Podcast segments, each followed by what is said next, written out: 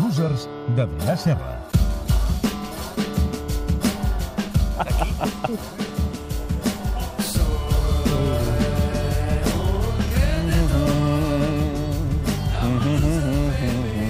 Com estàs, Adrià Serra? Molt bé. Bona nit. Bona nit.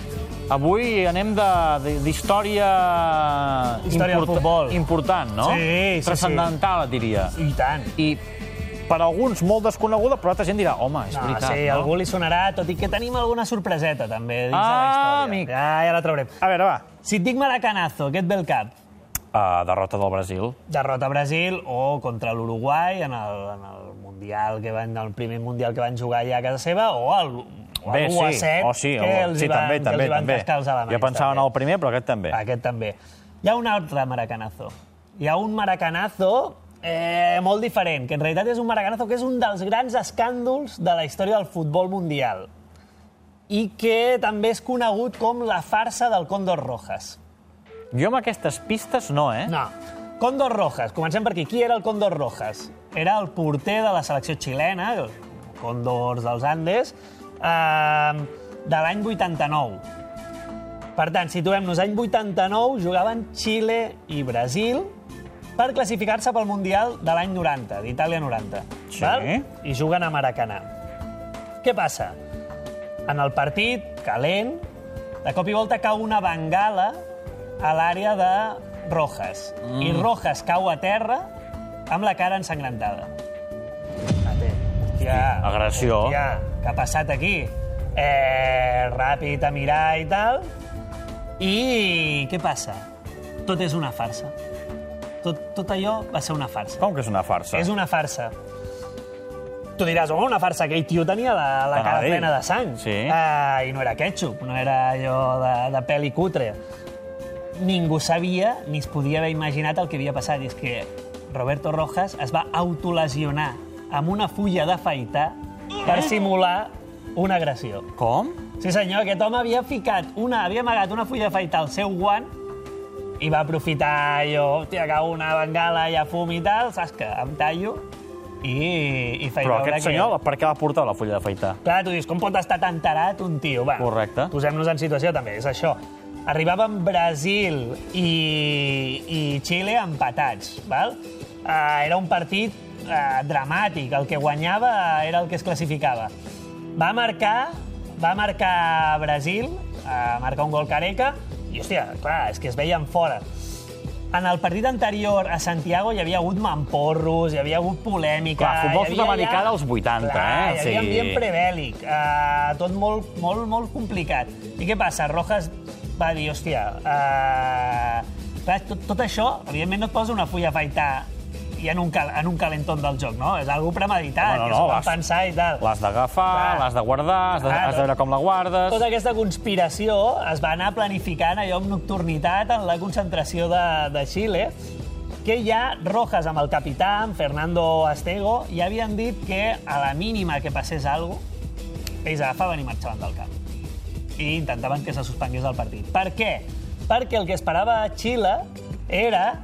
Eh, Sanció pel Brasil. Sanció pel Brasil o, en el pitjor, en el menys favorable dels casos, partit neutral. O sigui, partit a camp neutral i a veure si així tenien més possibilitats. Clar. Total, que ho van pactar, ho van pactar amb Fernando Astego, amb el capità, ho van pactar amb l'entrenador, i aquí és quan Rojas diu, escolta, eh, provaré això, m'amago una cuchí, una, una fulla afaitar, i a la que pugui, zas, em fot un tallet i a veure què passa. Clar, a les imatges, eh, pels que les hagin pogut veure la gent que estigui a la televisió, es veu la bengala, Ah, es, veu el, por, bengala. es veu el porter a terra... Ah, exacte. Clar, la sang no la veiem. No, però es veu després. És a dir, què va passar? Ell cola la fulla d'afaitar, durant el partit fa aturades brutals, eh, però quan marca Brasil es posa nerviós, i llavors cau la bengala i diu, tate, aquesta és la meva. Eh, em tiro terra, em poso les mans al cap, trec la fulla O sigui, quan, quan tallet. s'està tapant la cara, el que està fent és tallar-se la cara. Correcte. Mare meva. Correcte. Eh, el treuen el jugador. Clar, a partir d'allà és el caos. Eh? Eh, se l'emporten els jugadors de Xile perquè no surt la, no surt la camilla a buscar-lo, se l'emporten com si fos un soldat del Vietnam, allò arrastrant-lo amb tot, tota la cara plena de sang, fum, sang, apocalipsi nau, eh, allà, eh? els brasilers al·lucinant, Què ha clar, passat? cagats. Primer cop que Brasil es quedava fora un Mundial, ells ja s'hi veien fora. eh, l'àrbitre sobrepassat, Home. els xilens se'n van al vestidor i diuen nosaltres no sortim. Clar, l'àrbitre què ha de fer? Suspendre el partit. A partir d'aquí, follon a tot arreu. Follon a Xile, per exemple. La gent va anar a pedregar l'ambaixada de Brasil i a pedregar empreses brasilenyes. Eh, els jugadors de Brasil desconcertats, el públic al·lucinant, els periodistes que, que tampoc saben què, què està passant. Però què passa? L'any 89, home, no hi havia totes les càmeres que hi ha ara, que si Spider-Cams, que si 360 i tal, però, home, càmeres n'hi havia. I també hi havia reporters gràfics, que darrere la porteria del Condor Rojas hi havia reporters gràfics, concretament Ricardo Alfieri, un reporter del Gráfico argentí, ell va veure clarament que la bengala havia caigut a metre, metre i mig a Rojas, que no li havia impactat.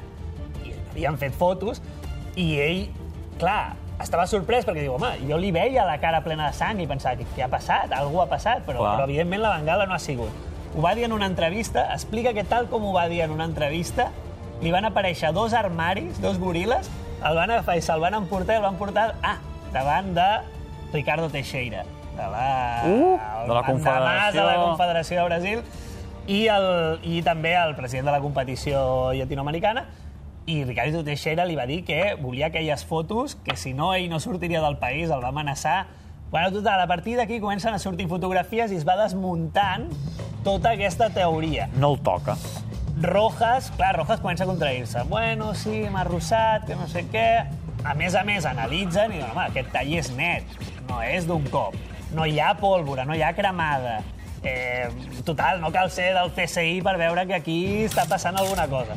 Tot i així, a Xile, la Xile encara... Commocionada i i tal. Ah, i amb clar. tots els follons, comencen a vendre que no, que hi ha una conspiració, que ara hi ha una conspiració d'Avelange, que era brasiler i era el president de la FIFA, perquè Brasil no es quedi fora del Mundial i tal.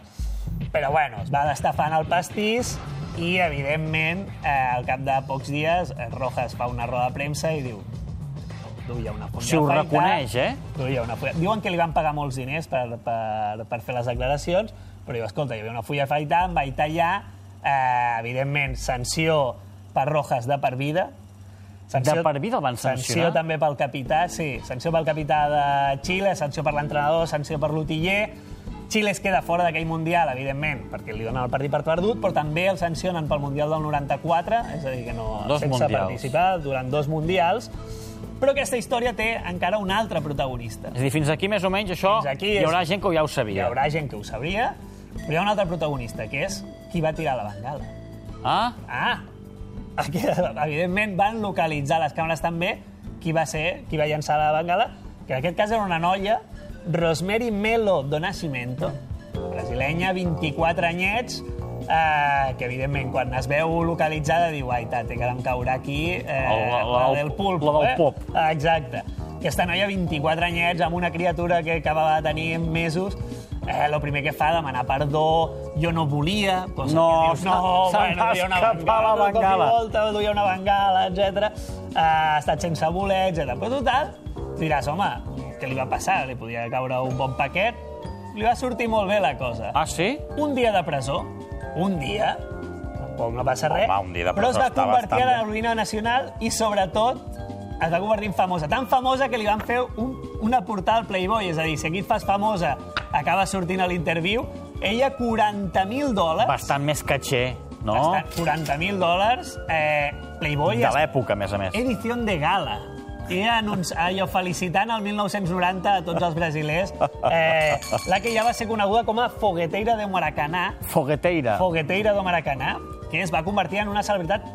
Si ho portéssim avui, aquesta tia seria o tronista o participant de Gran Hermano VIP. És a dir, aquesta fama que se la, se la, s'hi barallaven totes les, totes les televisions. Com va acabar? Ella no va acabar gaire bé. Es va gastar els 40.000 aquests que li van pagar, se'ls va gastar Ja. molt ràpid, eh, malament. Rojas, com va acabar? Suspès. Sí? Però és que, a més, lo fort de Rojas és que ell era porter del Sao Paulo. Ostres, d'un equip brasiler. Clar, tu dius, no podrà entrar mai més a Brasil, aquest tio. Doncs sí. El va recuperar el Sao Paulo i concretament Tele Santana com a entrenador de porters al cap d'un... De... El va reconvertir una mica. A l'any 93, vull dir, no gaire després. Va ser entrenador de porters i va acabar sent entrenador del Sao Paulo i guanyant títols amb el Sao Paulo. Sí És a dir, que- que, bueno, S'ha rehabilitat. i això encara ha donat algun peu a teories de la conspiració. Però no, no, no, no donarem, no, no, donarem, peu, no, li donarem bola. Déu-n'hi-do, el maracanazo del Còndor. La fogueteira do Maracanã. Adrià Serra, Fogueteiro, gràcies. Vinga.